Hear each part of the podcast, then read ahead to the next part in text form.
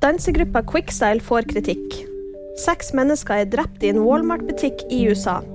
Og to kvinner og tre menn blir Europas nye astronauter.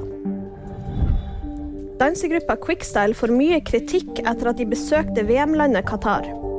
I en lengre e-post til VG sier dansegruppas talsperson Ibrar Malik bl.a. at selvfølgelig støtter vi ikke brudd på menneskerettigheter.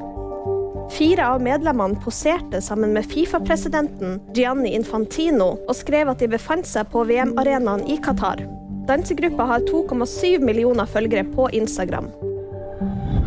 Seks mennesker ble skutt og drept i en Walmart-butikk i USA på tirsdag. Hendelsen fant sted i Chesapeake i delstaten Virginia et par dager før thanksgiving. Gjerningsmannen var en ansatt i butikken, og ifølge politiet tok gjerningsmannen sitt eget liv etter drapene. To kvinner og tre menn kom seg gjennom det trange nåløyet for å bli Europas nye astronauter. Det er første gang siden 2009 at det utnevnes nye medlemmer av det europeiske astronautkorpset. Det kom inn over 22 000 søknader til årets astronautopptak, og det var bare fem stykk som til slutt sto igjen. I tillegg får Europa sitt første paraastronaut, som er en del av et prosjekt for å se på muligheten for at personer med fysiske funksjonshindringer kan jobbe i verdensrommet.